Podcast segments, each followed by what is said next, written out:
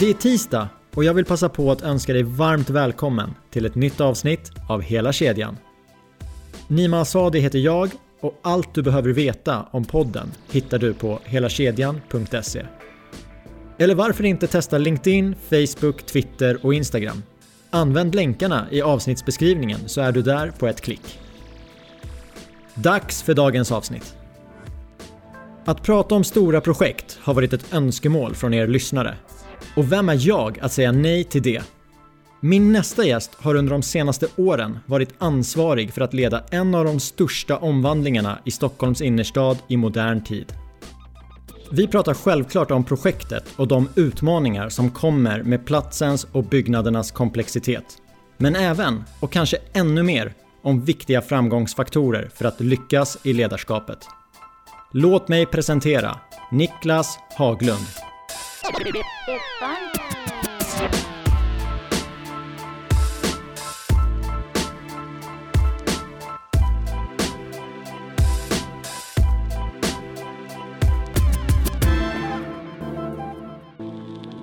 Varmt välkommen till podden Niklas. Tack. I introt har jag berättat för lyssnarna att du är projektchef för Urban Escape. Men, Ja. men inte så mycket mer om dig. Kan, vi, kan vi börja där? Eh, Jag är Eh, 44 år gammal. Eh, och var betydligt yngre när jag började med det här projektet. Eh, och kommer ursprungligen från Katrineholm. Arbetarbakgrund. Flyttade till Stockholm 1999, började på KTH. Läste industriell ekonomi. Och ramlade tillbaka in i bygg av en slump faktiskt. Eh, Och började på ett bolag som heter Ferax. eh, Projektledning AB. Där jag började min karriär som projektledare. Och det ledde fram till att du så småningom blev projektchef för ett av de största projekten i Stockholms innerstad i modern historia. Ja, så är det. Är det så vi beskriver Urban Escape? Ja, det är ju, vi, vi vill ju gärna eh, beskriva det här inte som ett byggprojekt utan som en stadsomvandling. Eh, och det tycker jag nog att vi har åstadkommit. Kan vi gå in på lite mer? Vad, vad består Urban Escape av? Vad, vad är det för projekt? Eh, ja, men Urban Escape är egentligen ett projekt som tog sitt, sin utgångspunkt i människan. Eh, redan innan jag ramlade in i projektet, eller i samband med att jag ramlade in i projektet, Eh, så var det en tjej som hette, eller heter, Caroline Forsling, eh, som numera är på Alekta, eh, som hade lett en studie på vad framtidens talanger önskade och såg i sitt yrkesliv. Vad som var viktigt. Och det som är viktigt då att komma ihåg i Urban Escape var ju att den stora diskussionen som gick var ju att bankerna lämnade innerstan. SEB skulle flytta. Eh, Swedbank eh, var ju på väg alldeles uppenbart vilket sen sedermera bekräftades 2013. Eller till och med 2012, kommer inte riktigt ihåg. Eh, och media skrev ju om innerstadsdöden och att alla arbeten kommer flytta ut till, till förorterna. Och eh, samtidigt så gjorde de då den här eh, studien som påvisade att den nya generationen som var på väg in på arbetsmarknaden såg lite andra faktorer som viktiga. Eh, inte bara vilket företag man arbetade på och eh, vilken lön man fick utan helt andra frågor dök upp som jag tror förvånade oss alla. Eh, I att man önskade att få ihop livspusslet, att man ville eh, ha nära till saker och det där gick väldigt mycket i strid med det media skrev så vi blev ganska tidigt övertygade om att det här ska vi kunna göra. Eh, och ganska tidigt så bestämde vi oss också för att eh, konstatera att det räcker liksom inte med att bygga ett snyggt hus. Det måste fyllas med ett innehåll. Eh, och det är väl det innehållsarbetet som jag tycker har satt Urban Escape i slutändan. Eh, I att vi tog in ett hotell i det här kvarteret eh, och utöver det utvecklade och förbättrade gallerian. Som gjorde att det här tredje platsen som, som begrepp dök ju upp någonstans där i början av 2010-talet. Att människor idag inte, precis som du och jag lika gärna hade kunnat, nu sitter vi i ett mötesrum men vi skulle ju mycket väl kunna suttit på, i hotellfoajén och haft den här eh, poddinspelningen. Och det var sådana identifikationer, det vill säga att folk vill inte sitta i ett tradigt kontor, eh, i ett mötesrum och ett eget kontorsrum eh, och inte kunna röra sig någonstans och sen åka hem. Utan faktum var att även under arbetstid och sånt värderades andra faktorer såsom att kunna ha möten på ett hotell eller varför inte restaurang nere i gallerian. Vi kommer komma in på det där lite mer. Mm. Men jag tänkte börja med, hur kom det sig att du kom in i projektet? Och var det solklart att det var rollen som projektchef som var aktuell? Nej, eh, det var det inte på något sätt. Utan, Eh, och jag gjorde mig inte heller några föreställningar om det från början. Utan eh, det var faktiskt en kille som hette, hette då Niklas Österberg, numera Niklas Ternstål, som ringde mig. Han var uthyrningschef på AMF Fastigheter. Och han ringde mig och sa att du är ju klok, vi skulle behöva ha hjälp. Eh, eh, och eh, titta på möjligheterna att bygga bostäder i kvarteret. För redan då hade man tagit de första stegen att försöka göra ett planarbete här i det som heter kvarteret Trollhättan eller det som är mer bekant som Urban Escape. Och då inledde jag med att egentligen göra en statusbesiktning eller en due diligence om man så vill. Tillsammans med en kille som är kollega som numera jobbar på Tjuren som heter Bengt-Erik Brorsson. Som är expert på allt möjligt men bland annat är han väldigt duktig på installationer som jag insåg är väldigt viktigt. Eh, så att vi gjorde en statusinventering här på ett par dagar. Och också hade ett fokus då att leda det här arbetet med, går det att konvertera det här till bostäder eller liknande? Och eh, vi eh, dömde ut den möjligheten ganska snabbt. Av flera skäl. Rent byggnadens fysik gör att det är inte lämpligt och sen finns det absolut starka ekonomiska incitament av att göra någonting annat här, vilket vi också föreslog. Eh, och i den statusrapporten som vi levererade tidigt 2012 eh, så föreslog vi bland annat att vi skulle bygga ett hotell av fastigheten T33 som vi kallar den här i Urban Escape. Det vill säga där At Six och Hobo ligger idag. Eh, och så blev det. Eh, och det var också en liten trade-off mot eh, kommunen i det planarbetet vi gjorde. Att eh, inte behöva bygga bostäder. Eh, och det var inte för att vi är något principiellt mot bostäder. Men AMF är ett stort bolag och äger sina bostäder inom ett delägt bolag som heter Rikshem. Eh, och AMF Fastigheter får inte och kan inte pyssla därmed med bostäder. Eh, så det var ett av skälen. Och det andra var ju att kåkarna då rimligen inte eh, höll måttet för att bygga bostäder. av. de var helt enkelt för djupa. Så att du får inte ut någon effektivitet i dem. Men eh, som sagt då, så att då, då lyckades vi tillsammans diskutera med kommunen och kom på att ja, men, eh, hotell skulle kunna vara en bra, bra medelväg att gå. Och dessutom så gynnar det precis det vi hade kommit fram i den tekniska utredningen. Nämligen att den fastigheten lämpar sig väldigt bra för ett hotell. En bra plats för ett ja, hotell. På alla sätt. Och det har varit min liksom, slagpåse här i det här projektet. Vi ska jäkla med göra Brunkebergs torg till nollpunkten på Tripadvisor. Eh, och då skrattade alla åt mig men, men vi är i alla fall inte långt därifrån idag. Det jag gillar med det nya är ju att när man står där på torget så har man ju svårt att tänka sig att det har kunnat se annorlunda ut. Det, det är det ena. Eh, och sen så har jag inte särskilt många minnesbilder av hur det såg ut innan. För det var ingen plats man hängde på. Nej, vi har gjort faktiskt en film om Urban Escape för de som är intresserade. Eh, och där visar man lite bakgrunden. Och redan under 80-talet gjorde man reportage, tidigt 80-tal, om vilken plats eh, Brunkebergstorg var och vilken tråkig plats det var. Eh, och då ska man ändå veta att Brunkebergstorg var ju någonstans i början av 1900-talet så var ju det fortfarande liksom vad ska jag säga, motsvarigheten till vad eh, Stureplan kom att bli. Eh, och blueprinten för Stureplan sägs varit just Brunkebergstorg, den här triangulära platsen. Och den känner man ju igen lite i Stureplan.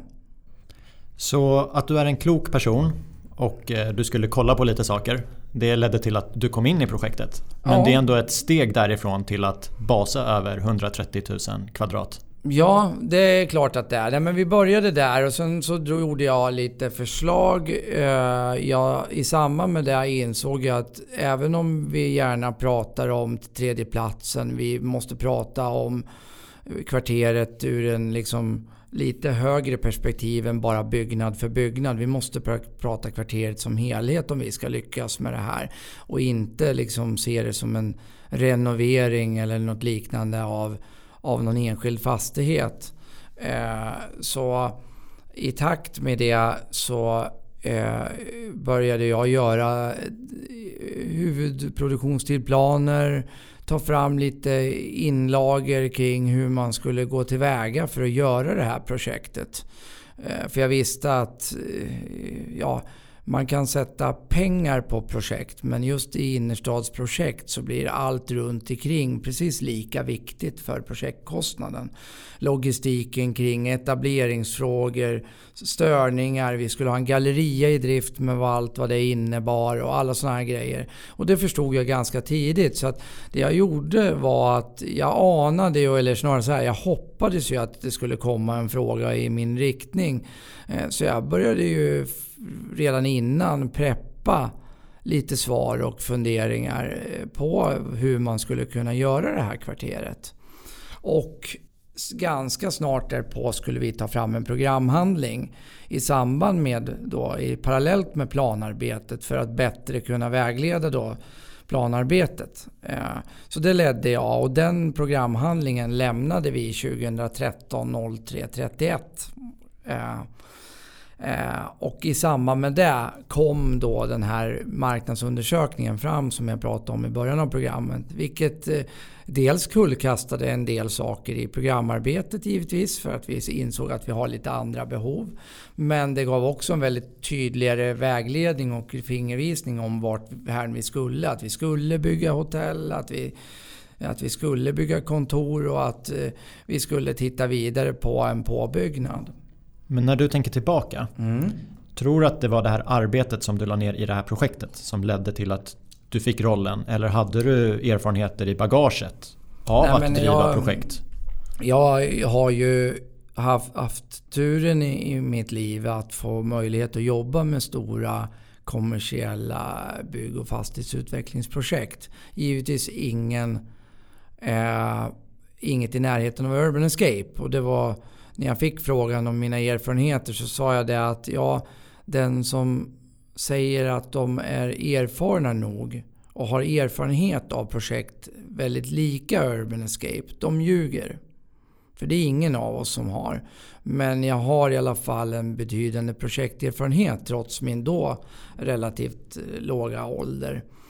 Och eh, hur det var så, jag hade ju turen redan 2000 jag började som byggledare. Det första projektet jag var med på var Konstfack i slutfasen av det projektet. Eh, och konverteringen av telefonplan om vi nu pratar stora och fina utvecklingsprojekt som dåvarande AP-fastigheter, numera Vasakronan, gjorde. Eh, där man tog en stadsdel som var känd med Ericsson och gjorde till något annat. Och jag skulle nog säga att eh, just Konstfack var, la grogrunden till vad telefonplan är idag. Och av det har jag absolut ingen del. Eh, utan jag var bara byggledare. Men det gav ju absolut en ögonöppnare kring vad man faktiskt kan göra genom att sätta platser i en ny kontext. Vilket Vasakronan då, eller AP Fastigheter, gjorde.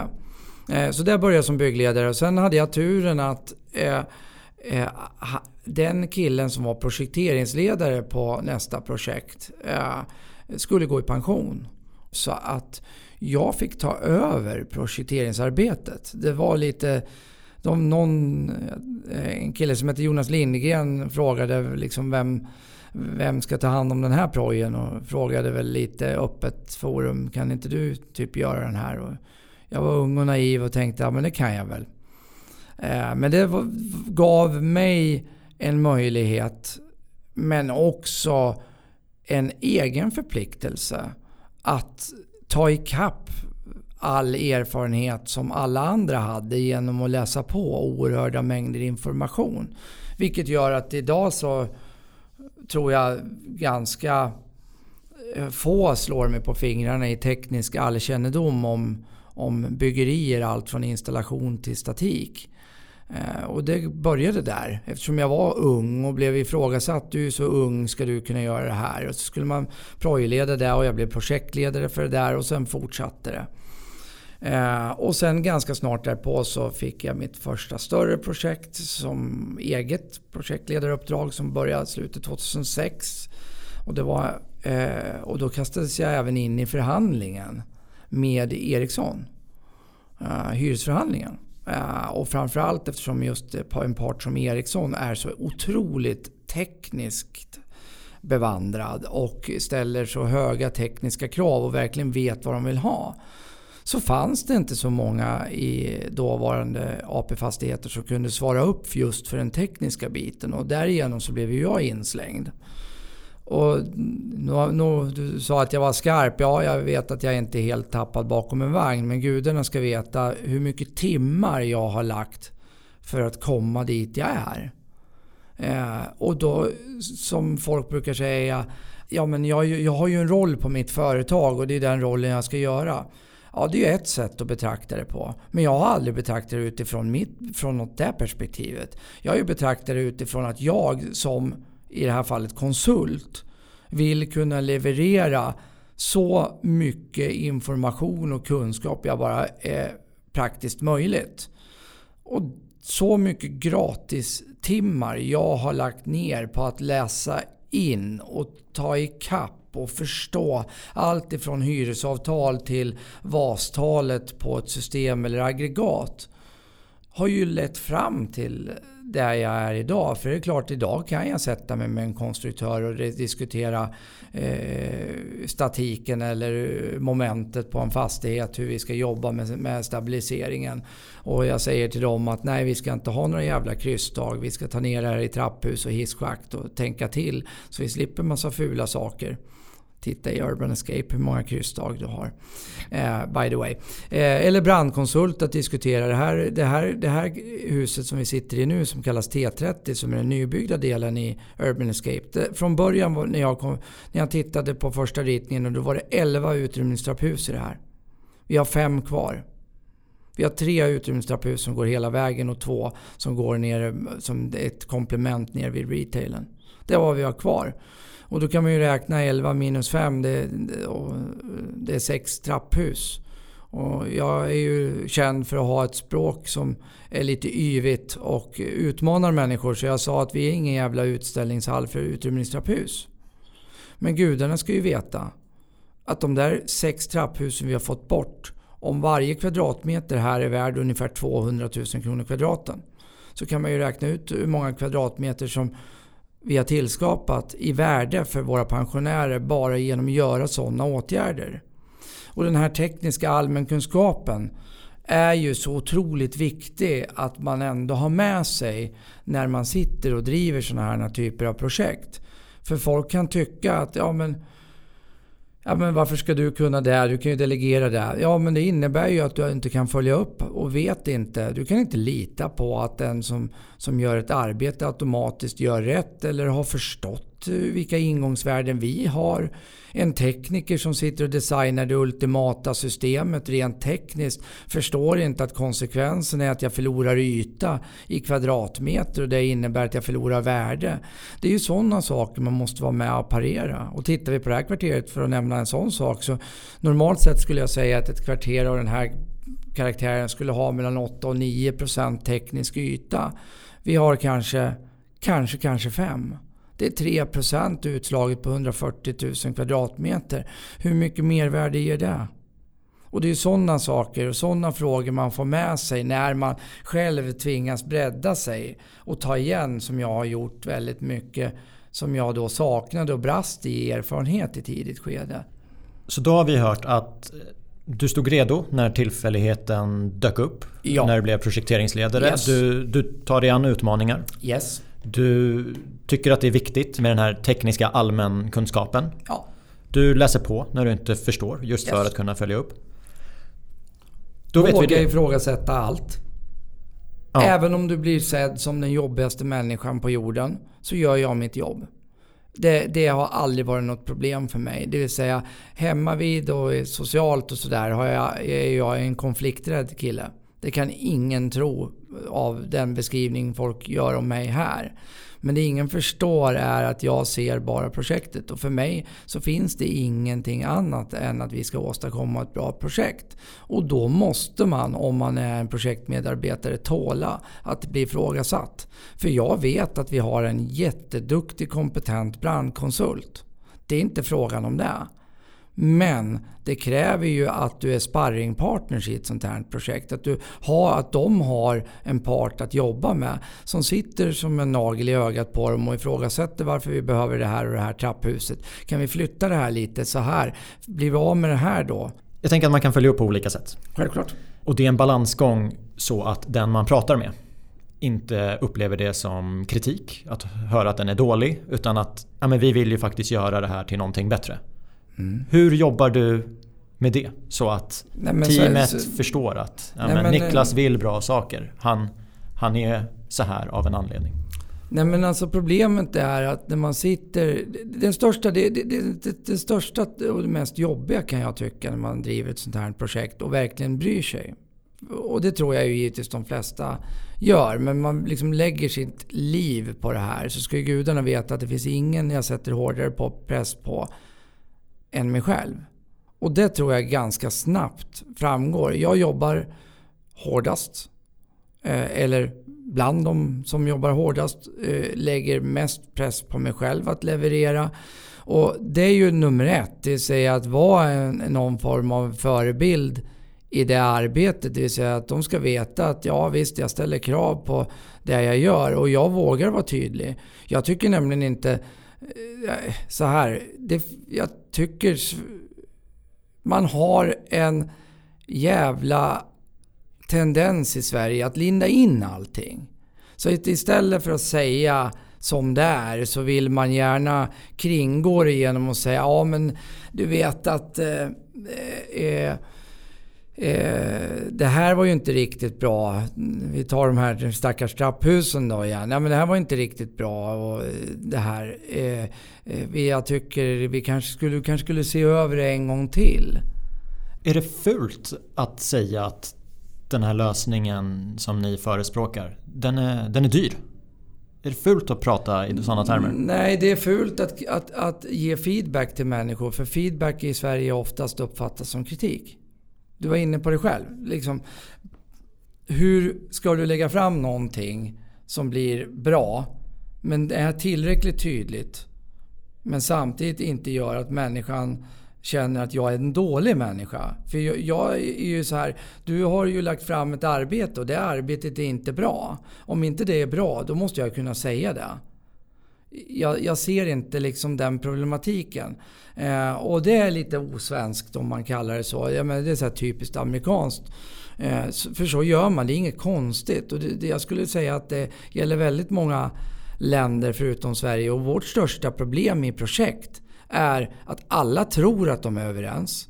Men det baseras på att ingen vågar. Man samlar alla i rummet och sen säger inte folk vad de egentligen tycker. Sen går de ut utanför och börjar tänka, Nej, men varför ska det vara på det här sättet? Och där vill ju jag säkerställa att stävja från tidigt, tidigt skede här. Att här måste det vara en tydlighet. Och det gäller ju inte bara mig. Jag tog ju in människor runt om mig som var sådana att de vågade vara tydliga. För det visste jag var nödvändigt, annars får vi inte ihop det. Vi är ju i en bransch där om vi kan minska ett teknikutrymme med några kvadrat. Det blir ju snabbt eh, miljoner i intäkter. Yep. Ska vi inte kunna ta kritik? Jo, Självklart. Det, det, för mig är det precis vad det handlar om. Man måste våga vara tydlig. Och det är där man inte vågar vara. Jag skulle säga att väldigt många projekt som går dåligt. Om man backar bandet och tittar på varför de gått dåligt. Ja, givetvis är det för att inte rätt kompetens har funnits på platsen och sett till att rätt saker har skett. Ja, det, det är absolut nummer ett. Men många gånger också att man har varit otydlig. Man har inte vågat ta det där jobbiga samtalet. Man har inte vågat gå till hyresgästen och säga det där ni, ni vill ha kommer kosta väldigt mycket pengar. Utan man duckar den diskussionen. Och sen börjar det närma sig slutskedet och det här ska serveras en faktura till hyresgästen. Och hyresgästen undrar hur i helvete kunde det här kosta X miljoner? Och så blir det ett jäkla liv. Och jobbar man med en partner som till exempel jag har gjort med Ericsson då lär man sig definitivt den hårda vägen att är man inte tydlig med att en ändring kostar pengar så kommer det bli jäkligt svårt att få betalt i senare skede. Eh, och vi ska ju inte prata om att de ändringar som sker under vägen också kan påverka tiden. Så jag skulle ju säga att i många delar så är det processfel. Och är det någonting vi i byggbranschen glömmer bort är att om man jobbar med kommersiell byggnation eller kommersiella fastigheter, köpcentrum, hotell, kontor. Så har man i nio fall av tio alltid en hyresgäst på andra sidan som har skrivit och har ett avtal på sin kontor som vi ska, som fastighetsägare och byggherre ska uppfylla. Som vi i sin tur då ska överföra till en entreprenör som då ska utföra det här arbetet och leverera den produkten i enlighet med det avtalet. Och jag tycker om man tittar på den litteratur som finns eh, eh, så tar den bara hand om från byggherre till entreprenör eller byggherre till konsult. Men man glömmer helt bort perspektivet av hyreslagen. Man glömmer bort helt perspektivet av genomförandebestämmelser eller leveransavtal om man så vill. Eller de delar som är knutna till när det är större hyresavtal som är utvecklingsprojekt så har man ju alltid en sån del med i hyresavtalet som förkunnar hur hyresgäst och byggherre, ska för, eller fastighetsägare då, ska förhålla sig till varandra under processen fram. Eftersom ett hyresavtal på en lokal som Spotify, 20 000 kvadratmeter, inte är den definierad till 100% i det inledande skedet. Det händer ju inte. Utan den levereras ju och tas fram under vägen. Parallellt med att en entreprenör producerar byggnaden. När du pratar om den här delen i, av ledarskapet. Jag hör ju på sättet du pratar. Jag ser ju dig nu när vi spelar in. Det, det är en väldigt viktig del i ditt ledarskap. Så mm. uppfattar jag det. Mm. Jag snappade upp ett till citat. Mm. Som jag tror också är en viktig del. Mm. Då säger du så här. Jag hade jobbat länge med byggprojektledning och i byggbranschen jobbar man ofta utifrån en stuprörsmodell där alla steg i ett byggprojekt är separerade från varandra. Det vill jag ändra på. Mm, exakt så. Hur brukade det vara och hur är det annorlunda här? Eh, den, stora grejen är ju att när man börjar ett stort projekt, det vanligaste felet man gör skulle jag säga är att man blandar in alldeles för mycket människor. Man, man tror liksom att, att man ska liksom kunna få ut mer om man bara är fler. Och då stoppar man in X konsulter, X, Y, Z. Och problemet med det är ju att innan du har stakat ut vägen vart hän vill du gå så löser inte 100 personer ett arbete av den karaktären. Så det är liksom fel nummer ett. Liksom. Jag kan säga så här, det är bättre att betala de som sitter där tredubbelt om de är allsidigt kompetenta än att ha X och Y och Z människor där. Eh, för att är det 20-30 personer så är det liksom otroligt svårt att staka ut en tydlig färdväg. Det här jag brukar prata om är att alla frågor måste ägas av någon. Och det skulle jag säga är ju ett också av de mer vanliga felen även i stora projekt. Att Fråga vem som är ansvarig. Gå runt här i stan och fråga vem är ansvarig för det här projektet? Och allt för många gånger så får man svaret ja det är nog han eller hon eller den. Ja, kanske tredje. Jag vet inte. Vem är ansvarig? Det är ingen som tar ansvar för helheten. När det går bra så räcker alla upp handen? Ja, ungefär så. Men, men just det här med att väldigt många projekt leds i att genomförandet ligger i ett skede, uthyrningen ligger i ett annat, konceptarbete ligger i ett tredje i någon form av utvecklingslåda. Och de här lådorna jobbar inte tillsammans. Här hade vi ett projekt från scratch där jag ganska tidigt fick då rollen att, att köra stora delar. Och från början var det ju tänkt att jag skulle vara bygg eller det vi kallar genom, chef för genomförandet som inkluderar då proj och, eh, proj och produktion. Eh, sedermera kom det att utvecklas och bli då projektchefsrollen för helheten. Eh, och det första jag gjorde var att ta fram en så kallad genomförandeplan det är ju min definition av det. Och den genomförandeplanen är inte detsamma som då ligger som en bilaga i ett hyresavtal. Utan en genomförandeplan som sa hur ska vi genomföra det här projektet? Vilka mål ska vi ha för det här projektet? Och vilka, liksom, hur ska hierarkin se ut? Och våga rita upp en hierarki. Hur och var ska beslut fattas? Eh, för det också när man kommer till projekt. Man kanske tar fram någon rörig organisationskarta med 75 olika... Eh, liksom, det, det görs på nästan en horisontal. Och jag vill ju ha en extremt tydlig pyramid. Och tror man som jag tror på ledarskap utifrån att man faktiskt får se gruppdynamik. Det vill säga man börjar med det här inledande skedet och sen går man vidare till alltså inledande som kallas tillhöra-fasen och sen går man vidare till, till nästa fas som är rollsökning och sen någonstans blir alla sams och det blir en fungerande grupp. Eh, och den är ganska intressant för ett projekt. För det vi ska vara medvetna om som jobbar i projekt är att vi alltid slängs ihop med nya människor. I regel har vi inte jobbat med dem förut. Eller många gånger har vi i alla fall inte jobbat så särskilt nära dem. Då kan man vackert konstatera att vi befinner oss i en tillhörarfas där alla vill vara med. Få eller inga vågar säga och räcka upp handen att jag har en annan åsikt. Utan alla vill ju vara med i klubben. Har du tur när projektet går längre, vilket det här givetvis gjorde, går man in mot en rollsökning. Där alla börjar ifrågasätta alla roller. Och då, som ledare, är det ju extremt viktigt att ha en extremt tydlig hierarki i projektet som talar om vem som beslutar vad. Och det jag gjorde tidigt det var att jag stoppade upp en, en central genomförande organisation som skulle vara ansvariga för alla delprojekten. De här är ansvariga för alla delprojekten och i den inkluderades givetvis jag. Alla de som jag hade runt om mig hade tydliga funktioner. Du är produktionschef, du är ekonomichef, du är ansvarig för, för, för, för hyresgästsamordningen, du är ansvarig för projekteringen och så vidare. och så vidare. Men tog du fram den här helt själv? Ja, just den ordningen absolut. Och varför gjorde jag det? Jo, för i den här rollsökningsfasen när alla börjar ifrågasätta varandra och när ekonomichefen går och säger du han den där produktionschefen han fattar ingenting om ekonomi, han bara kör. Det är då min uppgift som ledare är att säga så här, ja, jag bejakar det givetvis och säger ja. Eh, det är klart att du har en poäng, men du, gå tillbaks till din ekonomilåda. Det där är min fråga att hantera. Sen går jag givetvis till produktionschefen och pratar med han som då i regel säger ja du vet ekonomichefen han, han fattar ju ingenting om produktion vet du. För att eh, han vet inte hur det är ute på plats och på fältet.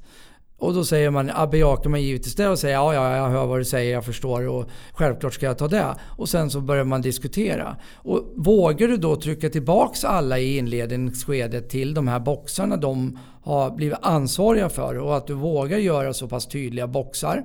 Låter ju lite stuprör här. Men ganska så snart börjar de här personerna prata med varandra. Eh, det jag också gjorde tidigt var att jag drog en utöka den gamla klassiker som man brukar använda och säga det är svårt att se skogen för alla träden. Och i ett sånt här jäkla projekt så är det till och med mer. Jag brukade prata om barren, grenarna, träden och skogen. Och väldigt lätt är att man hamnar ner i barrfrågor.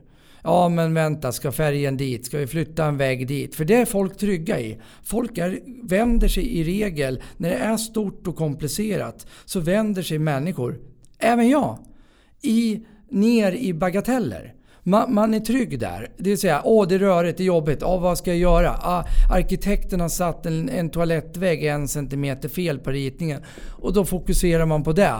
Och så tappar man den här skogen som vi ska bygga. Vi skulle ju bygga, vi skulle ju ha skogen här. Och mina killar och tjejer som satt i genomförandegruppen eller i uthyrningsgänget eller i förvaltningsgänget. Det var de tre benen. De behövde ju givetvis ha sina tydliga roller men de behövde ju se något mer än bara en enskild fråga. För alla frågor blev ju en del av en större helhet. Allt ifrån hur vi skulle hantera gallerian och bibehålla den i drift. Hur vi skulle riva den här fastigheten vi sitter i idag som är ny. Hur den befintliga fastigheten som var här innan skulle rivas. Hur vi skulle hantera alla skadestånd och hyresnedsättningar i gallerian med avseende på störningar. Eh, hur, vilka projektmål vi skulle ha. Jag tog fram nio projektmål som inkluderade allt ifrån eh, en trygg och säker arbetsplats där jag inte ville att någon byggnadsarbetare skulle förolyckas. Trots att vi hade ett extremt komplicerat produktionsläge. Till att eh, ett av projektmålen var det kan vi kalla en ren galleria. Det vill säga att det skulle vara rent, snyggt städat varje morgon när besökarna släpptes in. Eh, och trots den här relativt stora ombyggnaden vi hade så hade vi ändå gallerian öppen under hela perioden. Och då ska man också vara medveten om att vissa butiker i vår galleria till och med ökade omsättningen. Så uppenbart så funkade det ju väldigt bra. Så allt det här låg i det jag kallar genomförande, genomförandeplanen. Som inkluderade dels allt, som, så även upphandlingsstrategi. Hur vi skulle handla upp och konkurrensutsätta det här. För jag hade någonstans valet att dela upp det i flera delprojekt eller mer eller mindre släppa det till en byggare. Men i och med att vi inte visste att vi inte skulle vara klara med alla fastigheter, att hyresgäster satt kvar i två av dem i alla fall och delvis tre Eh, som gjorde att vi liksom produktionstekniskt inte kunde komma åt alla fastigheter samtidigt. Men var det du som bestämde allt det här? Från ansvarsfördelning till projektmål till hur ni ska Ja, när det gäller genomförande var det ju det definitivt. Men det finns ju också teorier om att ja, men det blir lite bättre om gruppen tar fram målen tillsammans. Om vi tillsammans kommer fram till en ansvarsfördelning. Du nu, tror men, inte på det? Jo, alltså så här. Någon, det, även när det gäller sådana saker måste man våga peka ut någon som är ansvarig för det. Det är det. Det kan inte vara en grupp på 20 människor där alla är lika ansvariga. Solidariskt. Det är lite som Animal Farm, om, läst, om man har läst den boken. Och grisarna är ju jäm, alla djur är jämlika, men grisarna var lite mer jämlika än de andra. Alltså, det håller inte i ett projekt. För jag var inne lite kort på gruppdynamikens olika faser. Enkelt uttryckt, så att bygga och komma till en fullt fungerande grupp i ett byggprojekt av normal karaktär. Jag skulle säga att i ett fall av tio når man det. Och det handlar inte om att byggprojektet inte kan fungera ändå. Men det kräver olika typer av ledarskap i olika faser. Man måste vara medveten att i den första fasen så, så vill folk vara med i klubben. Folk vågar, väldigt få människor vågar vara kaxiga som jag och säga Hörru du, det där är ju, nu är vi fel ute. Utan de flesta håller med. Sen kommer rollsökningsfasen där liksom alla börjar ifrågasätta både roller och det man har gjort och alla de här grejerna. Men dit hän i många byggprojekt och många fastighetsutvecklingsprojekt kommer man inte dit. Eh, och frågan du ställde var... Eh, att det finns olika teorier ja. om vem som ska sätta ja, ramarna. Nej, men, och då menar jag att i de här tidiga skedena är det till och med ännu viktigare att våga utse och utpeka någon som är ansvarig. Det innebär inte att jag gjorde sakerna själv. Vad jag gjorde var ju att i de frågorna där jag var mer fundersam och framförallt behövde liksom mer stöttning och för att, vara mer, för att kunna vara säker så var det till exempel tidplaneringen. Så jag åkte runt till ett gäng entreprenörer. Eh, jag gick också tidigt och beslutade att vi skulle gå i samverkan. För stommarna var inte så dyra här. För det var ganska små volymer stomme.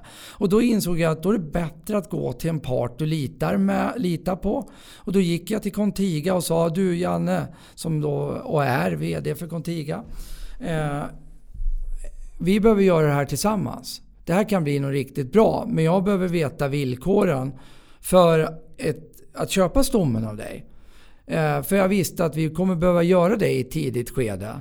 Eh, vi det jag hade fokus på då, och särskilt med tanke på den som var ägare, var ju arbetsmiljön. Eh, AMF är ju hälftenägt av fackförbunden. Och i det så blir det ju automatiskt en ännu viktigare fråga med arbetsmiljö, vit arbetskraft, alla sådana typer av frågor. Och för att göra en rigorös arbetsberedning och planering för hur monterar vi de här stommarna med en galleria i drift. Och om man tittar uppåt när man går galleriagången så ser man att det är glastak. Rakt ovanför där lyfter vi ju stommarna. Och det kan vi ju inte göra när det går fullt med folk under. Och det här, den dialogen, för jag kan ju inbilla mig, jag lovar, jag kan ganska mycket om stommar. Jag vet hur en montageplan ska se ut. Jag vet att den ska vara påskriven av ledande montör och den som är ansvarig konstruktör för att du ska kunna dra igång arbetet med stommen.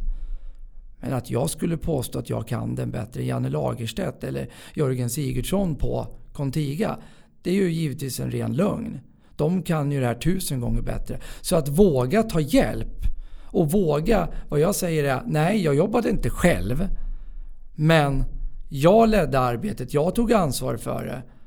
Men sen så ställde jag ju i alla de här kniviga funktionerna och frågorna ställde jag ju, hade jag ju en rad människor runt om mig som jag givetvis gick ut i tidigt skede och frågade hur tänker du här? Kan det här funka? Vad tror du om invändig etablering?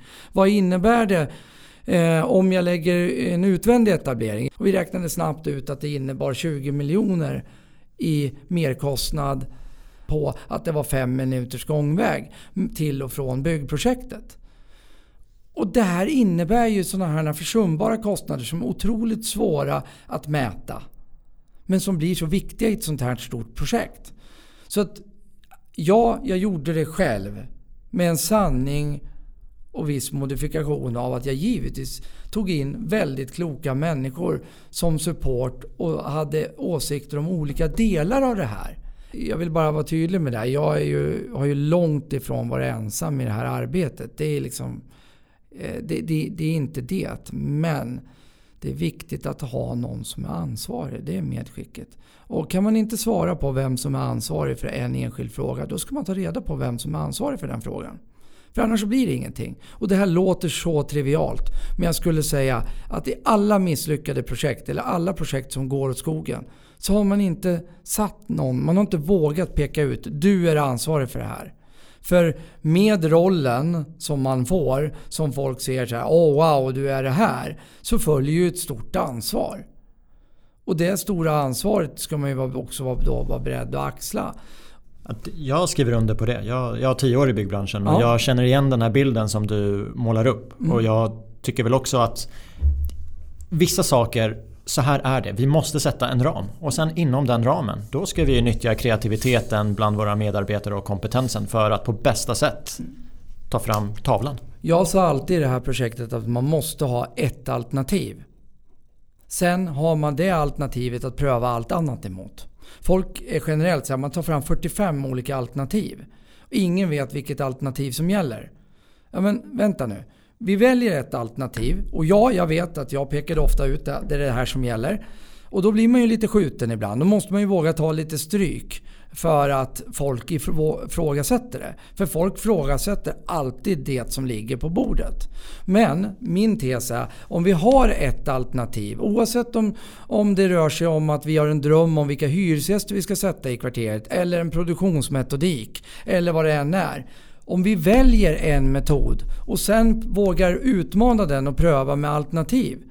Det är en sak, men allt för många så kör man fram fem olika vägval parallellt. Ska vi bygga ett hotell eller inte bygga ett hotell? Men jag valde och så sa jag vi måste driva fram någonting. Och då fattade styrelsen ett beslut, vilket var jäkligt klokt tycker jag, att nej, men vi går på kontorsalternativet. Men därmed inte sagt att vi i projektet dödade det spåret helt och hållet där och då. Utan vi hade bara kontoret som huvudspår. Sen, så, så, och då prövade vi. Ska vi göra hotell? Ska vi göra hotell? Ska vi göra hotell? Till slut konstaterade vi nej, vi ska inte göra ett hotell. Och då hade vi ju ett spår. För det innebär ju att projektering, produktion och alla de hade någonting att gå efter. För projektet rullar ju. Det är ju alltid så att ett projekt rullar. Och när det väl rullar och går, då måste man göra någonting. Och många gånger sitter man och driver projekteringar som kostar alldeles, alldeles för mycket pengar. För att man inte har spikat vilket alternativ som gäller. Låt oss gå in på projekteringen yes. då. Vi vet att huvudprojektet är på 130 000 kvadrat. Hur många delprojekt är det? Det är, jag måste räkna efter, det är kan man säga åtta delprojekt. Är det samma sak som ja. åtta olika byggetapper också? Ja, det kan man väl i praktiken säga även om de gick parallellt. Man kan säga så här. Från början hade vi fem fastigheter. De kallades T29, T30, 31, 32, 33. Där 33 är hotellet och sen går man motsols vägen tillbaka så hamnar man i Rocherhuset och sen i Spotify-huset, det är 31 Sen är det det här nya huset vi sitter i, 30 och sen är det eh, eh, 29 där WeWork sitter idag. Eh, det är fem fastigheter. Sen har vi uppfört en fastighet som vi kallar 31B. Som är bostadshuset som ligger mitt emellan. Och sen har vi dessutom en liten, liten fastighet som ligger separat mellan 32 och 31. Där, eh, där som också är en utbyggnad för Spotify. Då, men den räknas till 31. Eh, så det är liksom fem projekt och sen uppförde vi ett bostadshus och det är sex. Men det jag valde att göra tidigt var att jag konstaterade att gallerian hänger ihop horisontellt. Vilket innebär att jag ville lägga det i ett eget projekt. Så jag delade in plan 1 till och med 4 eh, eh, i ett eget projekt. Och det plan 4 är då gallerians övre våning. Medan plan 2 är gallerians undre våning och så är det ett garage under det. Och då är det sex delprojekt som är fastigheterna som från eh, plan 5 och uppåt ett ytterligare då delprojekt som är projekt nummer sju eh, är i Gallerian, plan 1 till och med 4. Vi kallar det T14. Det är T Trollhättan, plan 1 till 4. Eh, och sen därutöver så hade jag ytterligare ett projekt som var APO. Där jag la all APO, alltså arbetsplatsomkostnader, separat som ett eget delprojekt där vi handlade Ramirent som entreprenör och leverantör av de tjänsterna som inkluderar allt från kranar till plank till, till etablering och eh, sådana bitar. Saxliftar, you name it. Och hur var de här delprojekten bemannade? Var det olika arkitekter och projektörer? Ja, vi, det var ett krav i planarbetet också att det här kvarteret, trots att vi såg det som ett kvarter, så ville vi också att varje enskild fastighet skulle ha en unik identitet. Så att eh, framförallt var det White och Reflex Eh, och sen är det eh, Wester plus Elsner hade i många år jobbat med gallerian och sen därefter tog Elinder och Sten över. Så det var huvudarkitekterna. Sen hade vi Lundgard och Tranberg som gjorde eh, eh, T30 eh, som i ett parallellt uppdrag, den nya kåken.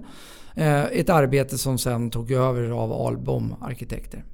Du har ju varit inne på framgångsnycklar för att lyckas i en projektering eller i en projektutveckling. Yes. Har du några framgångsnycklar för samordningen mellan projekten i projekteringsskedet? Ja, det är samma sak där, att våga vara tydlig och våga vara tydlig med gränserna. Vem är ansvarig för vad? Så det inte blir några flytande. Ta möten och diskutera just de här konstiga gränserna som hamnar mitt emellan. De, de måste du reda ut och då ger du en part ansvaret. Sen att den ska stämma av med den andra parten, det må vara. Men det ska fortfarande vara en som äger frågan.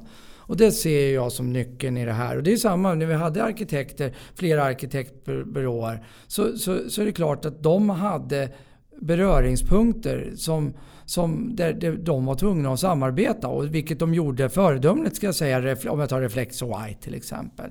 Men någon måste hela tiden äga en viss del av fasaden. Vem projar den? Vem är ansvarig för bygglovet? Och, och, där tror jag man många gånger går bort sig för att man vågar inte vara tydlig. För det är klart att om någon då inom två situationstecken blir av med ett arbete, för det är ju så många betraktar det så kan det ju vara lite prestige, gå lite prestige i det där och då måste man våga vara tydlig.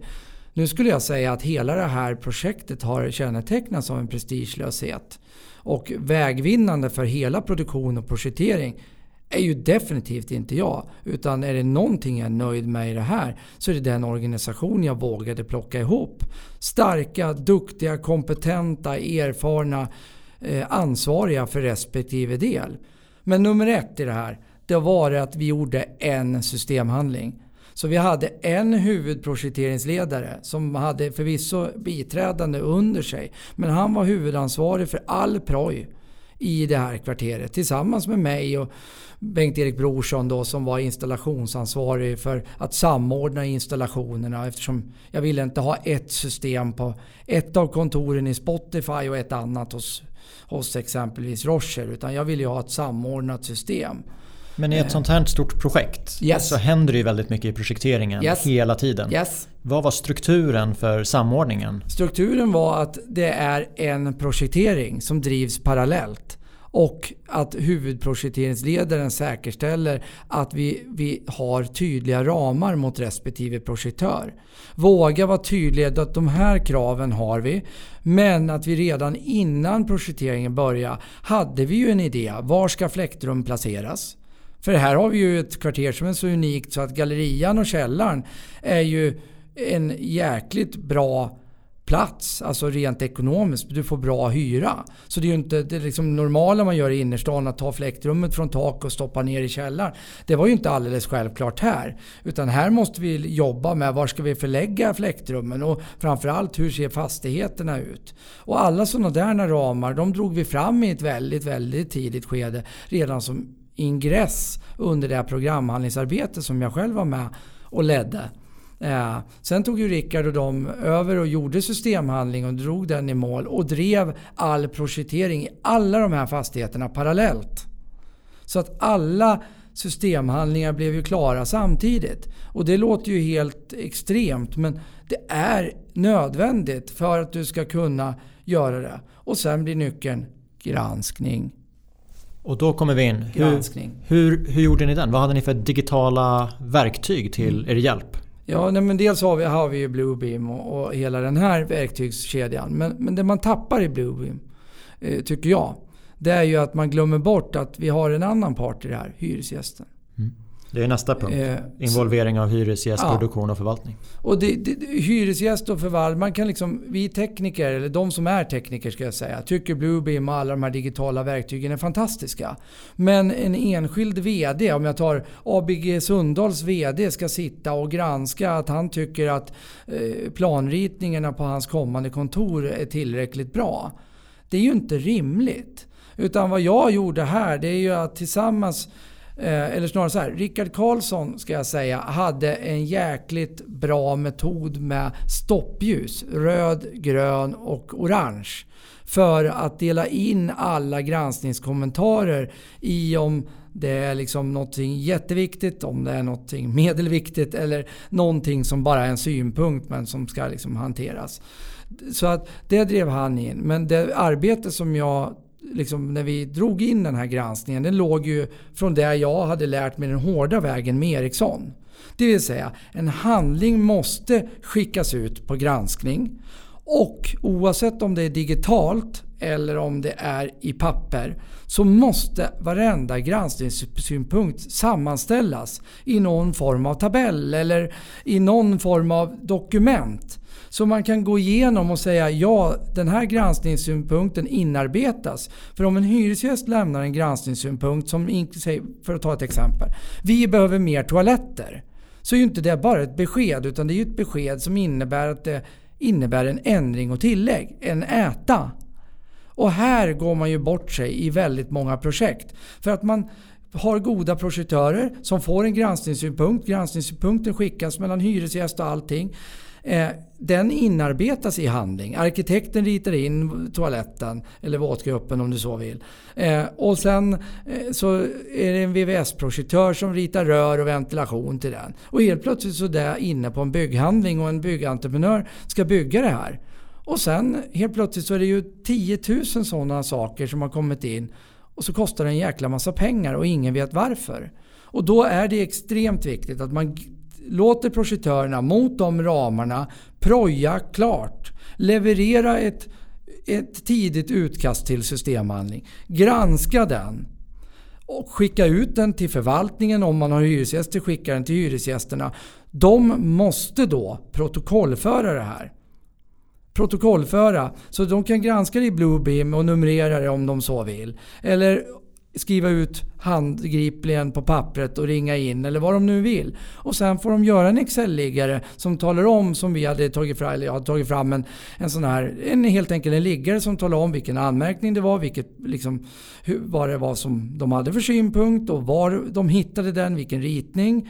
Eh, och sen givetvis så hade vi en kommentarslista. Ja, utförs. Ja, utförs om den bekostas av någon.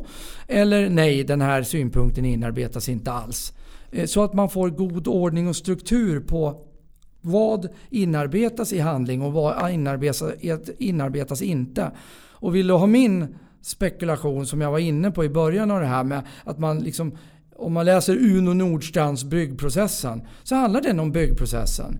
Men för oss som jobbar som projektledare inom kommersiell byggnation då har man alltid en hyresgäst som många gånger har en extremt stor påverkan på projektet. Och det är många gånger här projektet går fel i tid och pengar. Och det är inte någon enskilds fel utan det handlar om att man tappar i struktur och ordning. Bland annat att man inte har en rigorös granskning.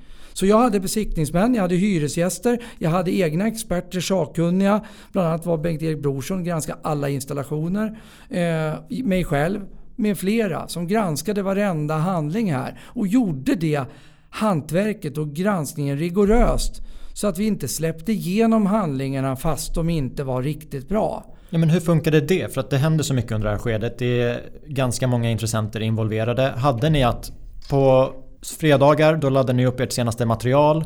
På måndagar sitter projektgruppen och granskar. Eller hur, hur funkade det mer konkret? Nej, men problemet är att återigen stuprörsmodellen. Man hackar eller maler i, liksom, det blir varken hackat eller malet. Jag ser till, eller jag tycker att det är jätteviktigt att man har samlade paket. För jag kan inte granska exempelvis en, en, ett dörrparti själv med mindre än att jag ser hela fasaden. För jag måste förstå hur det här systemet hänger ihop. Och där tror jag är en otroligt vanlig eh, problematik när man granskar. Så vad vi gör är vi tar alltid fram någonting som vi kallar granskningstidplan. Ja, i hyresavtal och i entreprenadavtal då har jag en ganska enkel beskedstidplan. Den innehåller inte så mycket. Det viktigaste vi har är att låsa planlösningen. Låser man inte planlösningen då driver man projen in absurdum och allting. Man måste ha en låst planlösning vid ett visst givet datum. Och allt därefter är större ändringar. Punkt. Eh, och när man låser den planlösningen då får ju alla projektörerna sitt att projektera efter. Och har du ingen hyresgäst då måste du våga bestämma vad är basstandarden. Det här är vad vi levererar och ingår så att säga i vår kalkyl. Eh, och det är det här vi ska proja efter med de här mötesrummen och de här funktionerna. Men nu pratar vi Bluebeam, 3D-modellering. Ja. hade ni det? Ja. Vi har 3D-modeller men det, det, tar ju inte bort kravet på den som sitter bakom och gör den.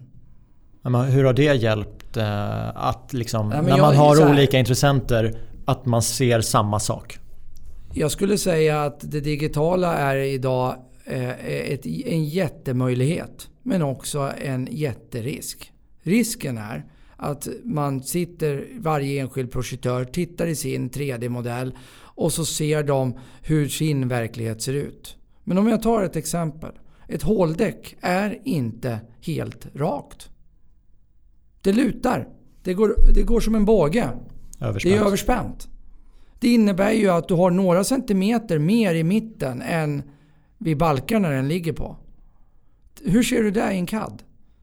Och problemet med de här bitarna är ju att det man inte ser då, eller i, i, liksom, i en CAD-modellering, är ju att man tappar delar av verkligheten. Där ser ju jag åtskilliga exempel på att när man gör ett krocktest på installationer. Så kör du där i CADen och så ser du att ja, det här funkar. Men det är så tight så när isoleringen kommer på och när du ska jobba ute på platsen så kommer du inte riktigt åt. Det är också lite då okunskap hos projektören att den personen inte varit på ett bygge och vet om att det är så.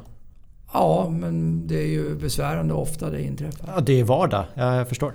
Ja, eh, så att jag skulle säga att man kan ju negligera... Alltså, jag tycker det är liksom för lättvindigt att säga så här att det ligger... Grejen är den att det här råkar jag ut för väldigt ofta. Så, det är ju, så jag tycker ju så här att det, det, digitala och det analoga måste finnas parallellt än så länge.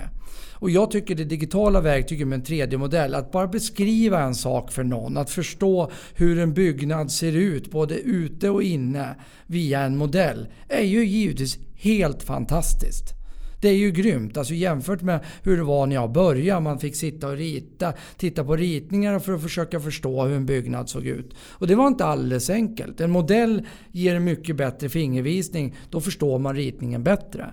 Men jag tycker också att det är en fara om man bara ser till modellen och det digitala och tror att det är verktyget som löser precis allt. För det gör det inte. Eh, än så länge. Med facit i hand då? Mm. För all projektering bedrevs ju parallellt så det var mm. inte så att ni kunde ta med er erfarenheter mm. vidare. Vad är du mest stolt över? Oj. Nej men alltså det jag är mest stolt över det är inget... Alltså så här, det är två saker. Det ena är att jag byggde en organisation som enligt den här hierarkiska modellen vi byggde upp blev väldigt väloljad och välfungerande. Och därför så levererade vi... Samtliga hyresgäster i det här kvarteret har flyttat in i tid. Vi höll budgeten och då menar jag budget. Vi, vi underskred den med säg 20 miljoner och då ska man ju ha klart för sig att att det är ju ganska många kronor som har rullat genom det här kvarteret.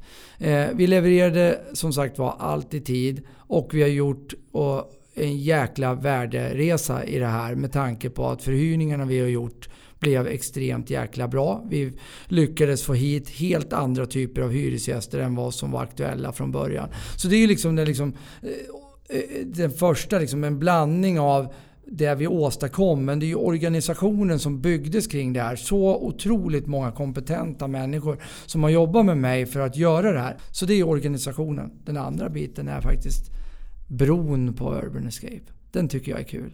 Att lägga en bro på taken eh, och se till att taken blev använda och bygga det som kallas eh, Stockholm under stjärnorna. Och tak, restaurangtak som på taken i Urban Escape är fantastisk utsikt här. Eh, och den bron är jag nog lite stolt över också. Vet du vad jag gillar med det där uttalandet? För att jag frågade dig vad är du mest nöjd över i projekteringen? Och då säger du flytta in i tid. Så jag tänker att du kopplar tidplan, ja. inköp och det till Allt. projekteringen. Och det är ja. inte alla som gör. För ibland så är det så här, ja men det där har projen gjort. Nu är det produktion, nu ska vi komma in. Det Stuprören. det är hela kedjan och alla som har varit med. Det är ju processen. Alltså från projektering till produktion till förvaltning. Jag menar, hade inte vi då haft de här fantastiska driftkillarna som vi har haft här, driftteknikerna. Alltså, då hade ju inte vi kunnat managera den här gallerian. All personal i, som har jobbat ute på, på allt från golvet till centrumledning till allt som har, trots en, en väldigt stor produktionsapparat, har hållit gallerian öppen. För alla de här bäckarna, små, blir ju den här stora ån. För hade vi inte gjort det arbetet så hade ju det blivit ett skadestånd eller stilleståndsanspråk som hade varit rigorösa. Och det hade fått ett avkall på att vi inte kanske hade byggt den här fina fasaden vi har här. Så allt hänger ju ihop. Entreprenörerna, ja. kom de in redan i projekteringsskedet? Nej. Eller ja, eh, till del i ett av projekten i det här vi sitter i nu. Eh, men de tog ju över kan man säga från systemhandling och framåt. Och det vill jag säga, det som jag är mest imponerad där i den atmosfär vi lyckades bygga, det är ju att vi hade en gemensam etablering. Så Skanska och NCC satt ju på samma plats. Eh, drack kaffe på samma ställe. Eh, och det sa folk till mig när vi gjorde det, att det där kommer aldrig funka. Vet, det är hund och katt och ena med det tredje. Vi hade också massor av delprojekt som givetvis, som vi pratade om, Eh, trots att en hela tiden måste vara ansvarig så hade, gick de ju på varandra. För det är klart att när vi byggde bron mellan konferensen, alltså mellan eh, hotellet och konferensen. Det är som en bro över Galleriagången. Då hade vi Sengun som producerade nere i Gallerian. Vi hade Skanska som var ansvarig för själva Spotify-byggnationen och därmed inkluderar konferensanläggningen. Men NCC byggde hotellet. Allt det här sammanvävdes ju. Och i det, om jag nu pratar saker som är bra, och visst tror jag väl att jag och mina medarbetare har en liten del i det. Eh, att det blev som det blev. Men ytterst har ju entreprenörerna tagit stort eget ansvar i att våga samarbeta med varandra. Så att NCC har samarbetat med Skanska. Alla jobbade ju i det här projektet under kallat tvång då. Eftersom vi handlade APOn själva och handlade den till Ramirent så var ju Ramirent den utpekade partnern varifrån de skulle hämta till exempel kranar och ställningar. Eh, och då blev ju ett samarbete däremellan som indirekt, det var ju vi som var liksom betalningsmottagare för Ramirents arbeten. Och Skanska, NCC, Ramirent, Sengun, alla de här hade ju en gedigen samordning. Och i, när det hade löpt lite längre, efter ett halvår in i projektet, om när alla de här löpte. Då pratade de ju själva med varandra utan vår assistans som jag säger så. För samarbetet bara flöt. Låt oss komma in på produktionen. Ja. Vi har varit inne på det att det är en galleria i mitten, det är kunder, det är verksamheter igång. Vad finns det mer för utmaningar med själva arbetsplatsen? Den ligger väldigt centralt. Ja, det är ju innerstan. Vi, jag insåg ju ganska snabbt att vi kommer inte kunna ha en etablering per delprojekt. Det går inte. Vi får inte plats. Jag kan inte hyra all den mark för då kommer jag stoppa upp all trafik in och till innerstan. Eh, vi, jag tyckte att vi skulle hålla Brunkebergs torg öppet. Eh, trafik, eh, trafiken, Herkulesgatan etc. Eh, vi hade ju dessutom Stena Fastigheter som har byggt ett fantastiskt hotell. Men så andra av våra grannar var ju beroende av oss. Så att vi bestämde tidigt, eller att det här ska vara en, en, en gemensam transport. Vi ska ha gemensamma transporter här. Och här var det ju, kom ett gäng människor in tillsammans. Eh, satt och diskuterade hur ska vi göra det här och kom underfund med att Ramirent hade då Eh, som, eller snarare så här, det var ju en stor del av den upphandling vi gjorde av Ramirent att de skulle ha en plats där vi skulle kunna ha en sammanlagringscentral utanför stan dit alla transporter skulle kunna gå av icke skrymmande gods. Där skulle de förpackas gemensamt och rullas in. Så att ungefär 80% av alla direkttransporter till och från det här kvarteret har vi fått bort genom den metodiken. Och då är det intressant att höra, hur många transporter har ni haft till projektet? Om ni minskat med 80? Ja, ungefär. Det, det är tusental transporter i månaden ungefär. Ja. Så att man kan ju räkna... Så det hade varit 10 000? Ja. Det känns svårt. Det är ju ganska svårt, ja. Alla, alla stommar och stomelement har ju givetvis gått direkt till och från arbetsplatsen. Eh, eh, större fasadelement lika så. Så att det var ju en utmaning med att inte störa och innerstan för mycket. Eller begränsa störningen i alla fall. Och överhuvudtaget få ett fungerande bit. En annan bit var ju yrkesarbetare. Vi har ju haft över tusen yrkesarbetare här. Det stod som mest med 1400 projektmedarbetare på platsen. Ja, Ungefär så. Och du nämnde att för AMF var det väldigt viktigt med god arbetsmiljö och schyssta mm. villkor. Ja. Hur funkar den administrativa apparaten om jag får kalla det så? Vi gjorde en egen arbetsmiljöorganisation som leddes av den övergripande genomförande organisationen. Alltså inte av delprojekten själv. Utan den övergripande. Så vi hade en övergripande arbetsmiljöstyrning. Eh, tidigt spikade vi ihop en, en plan som jag knackade ihop som hette en arbetsplats i världsklass. Den tänkte vi göra en grej av men eh, det är ju sån där risken, varumärkesrisken ifall att något ändå skulle hända. Eh, för det kan ju faktiskt ske olyckor med tanke på det vi jobbar med. Ändå eh, så ville vi inte göra någon grej av det. Men den heter En arbetsplats i världsklass som även tog hand om andra perspektiv. Bland annat så bestämde jag tidigt att vi skulle ha en räddningscontainer. Eh, ifall att någonting skulle hända skulle all tänkbar sjukvårdsutrustning finnas tillgänglig direkt på arbetsplatsen. Vi skulle ha hjärtstartare nere på alla liksom, där entréplan för respektive delprojekt. Där skulle det finnas hjärtstartare. Inne på etablering skulle det finnas hjärtstartare.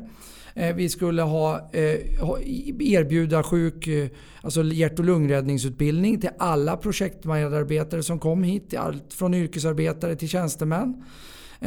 Vi erbjöd sådana saker som kaffe på arbetsplatsen gratis för alla yrkesarbetare i den gemensamma etableringen. Vi byggde ordning en egen restaurang inom området. Så vi hade en egen, så det man kallar byggfutt på gamla tiders språk. Så vi hade en egen restaurang där ett, ett skolkök kan man säga från utanför Nacka producerade mat och sålde till alla yrkesarbetare och tjänstemän billig mat. Billig och bra mat inne på den gemensamma etableringen. Vilket rent ekonomiskt, bara så det är sagt, också påverkar eftersom våra yrkesarbetare inte behövde lämna arbetsplatsen för att gå och äta. Och sen det jag gjorde var, eller det vi gjorde var att vi hade en gemensam etablering i det som kom att bli Spotify-huset och därifrån rörde man sig på galleriagångens tak ut till respektive delprojekt. Vilket innebär att man faktiskt inte behöver korsa någon som helst trafik. Utan man går direkt in, byter om, duschar, allt det här, äter mat inne på området och det enda man gör är att man tar en halv minuts promenad till respektive delprojekt. Men hur har ni haft koll på vilka som är inne på arbetsplatsen när det är så vi hade? Ju, vi hade ID06. Ett övergripande ID06 som då för inlogg och inpassering. Vi hade en reception för att ta emot besökare på det här stora projektet. Och det kostar pengar. I vissa fall tycker en del att sånt är onödigt. Vi hade eh, eh ID06 till respektive delprojekt sen. Så du, när du rörde dig på galleriagångens tak ut på respektive delprojekt fick du logga in igen. Men den stora inpasseringen och inloggningen och insorteringen skedde ju i den stora gemensamma IT31 där receptionen var. Där fick alla också genomgå en arbetsmiljöutbildning som var på två timmar. Där man gick igenom allt ifrån ordnings och skyddsföreskrifterna på vår arbetsplats. Man gick igenom övergripande den riskanalys vi hade tagit fram för övergripande för kvarteret. Sen hade ju respektive eh, så vi hade AMF, vi satte en övergripande ordnings och skyddsregler. Sen fick respektive delentreprenör göra sina egna baserat på våra. Så de fick ha tuffare men inte mindre tuffa. Så vi satte upp hjälm, eh, skyddsskor, hands, eh, eh, varselkläder. Men Skanska till exempel, de krävde även handskar. Eh, det hade inte vi satt upp i vår, men de gjorde det. Då fick de ha den. Men de hade inte kunnat liksom ta bort varselkläderna för att ta ett exempel.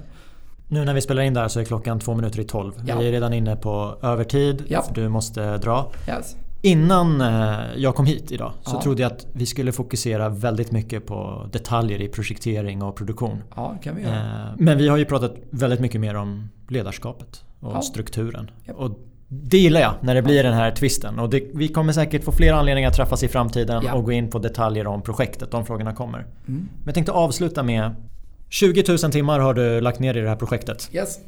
Hur var det när det var slut? Fantastiskt och hemskt i ett. Det har varit en extremt ambivalent känsla eftersom det här har varit så stor del av mitt liv så länge.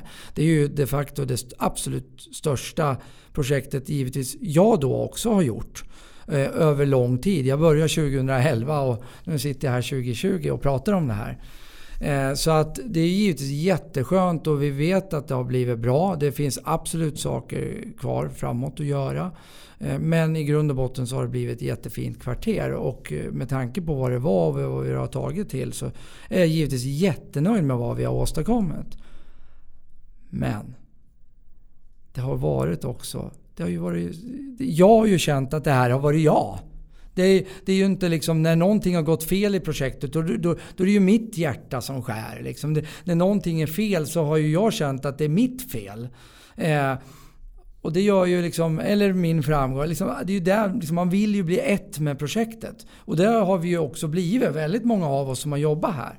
Och det är klart att när man då lämnar ifrån sig det hårdraget, det ska in i ett förvaltningsskede, projektet är slut, alla fantastiska entreprenörer är borta härifrån. Det är klart att man tycker att det är jobbigt. Eh, så är det. Så det har varit ganska... Tomhet är väl ordet. Och nu har jag ny energi. Nu känner jag glädje över det här. Men i höstas var det rätt kämpigt. För det var jättekonstigt. Det ska bli väldigt spännande att se vad du tar dig an ja. i framtiden. Och jag hoppas att vi får anledning att prata om nya projekt. Men också att vi inte är helt klara Nej. med det här. Stort tack för att jag fick komma till Urban ja. Escape. Tack själv. Tack. Ettan.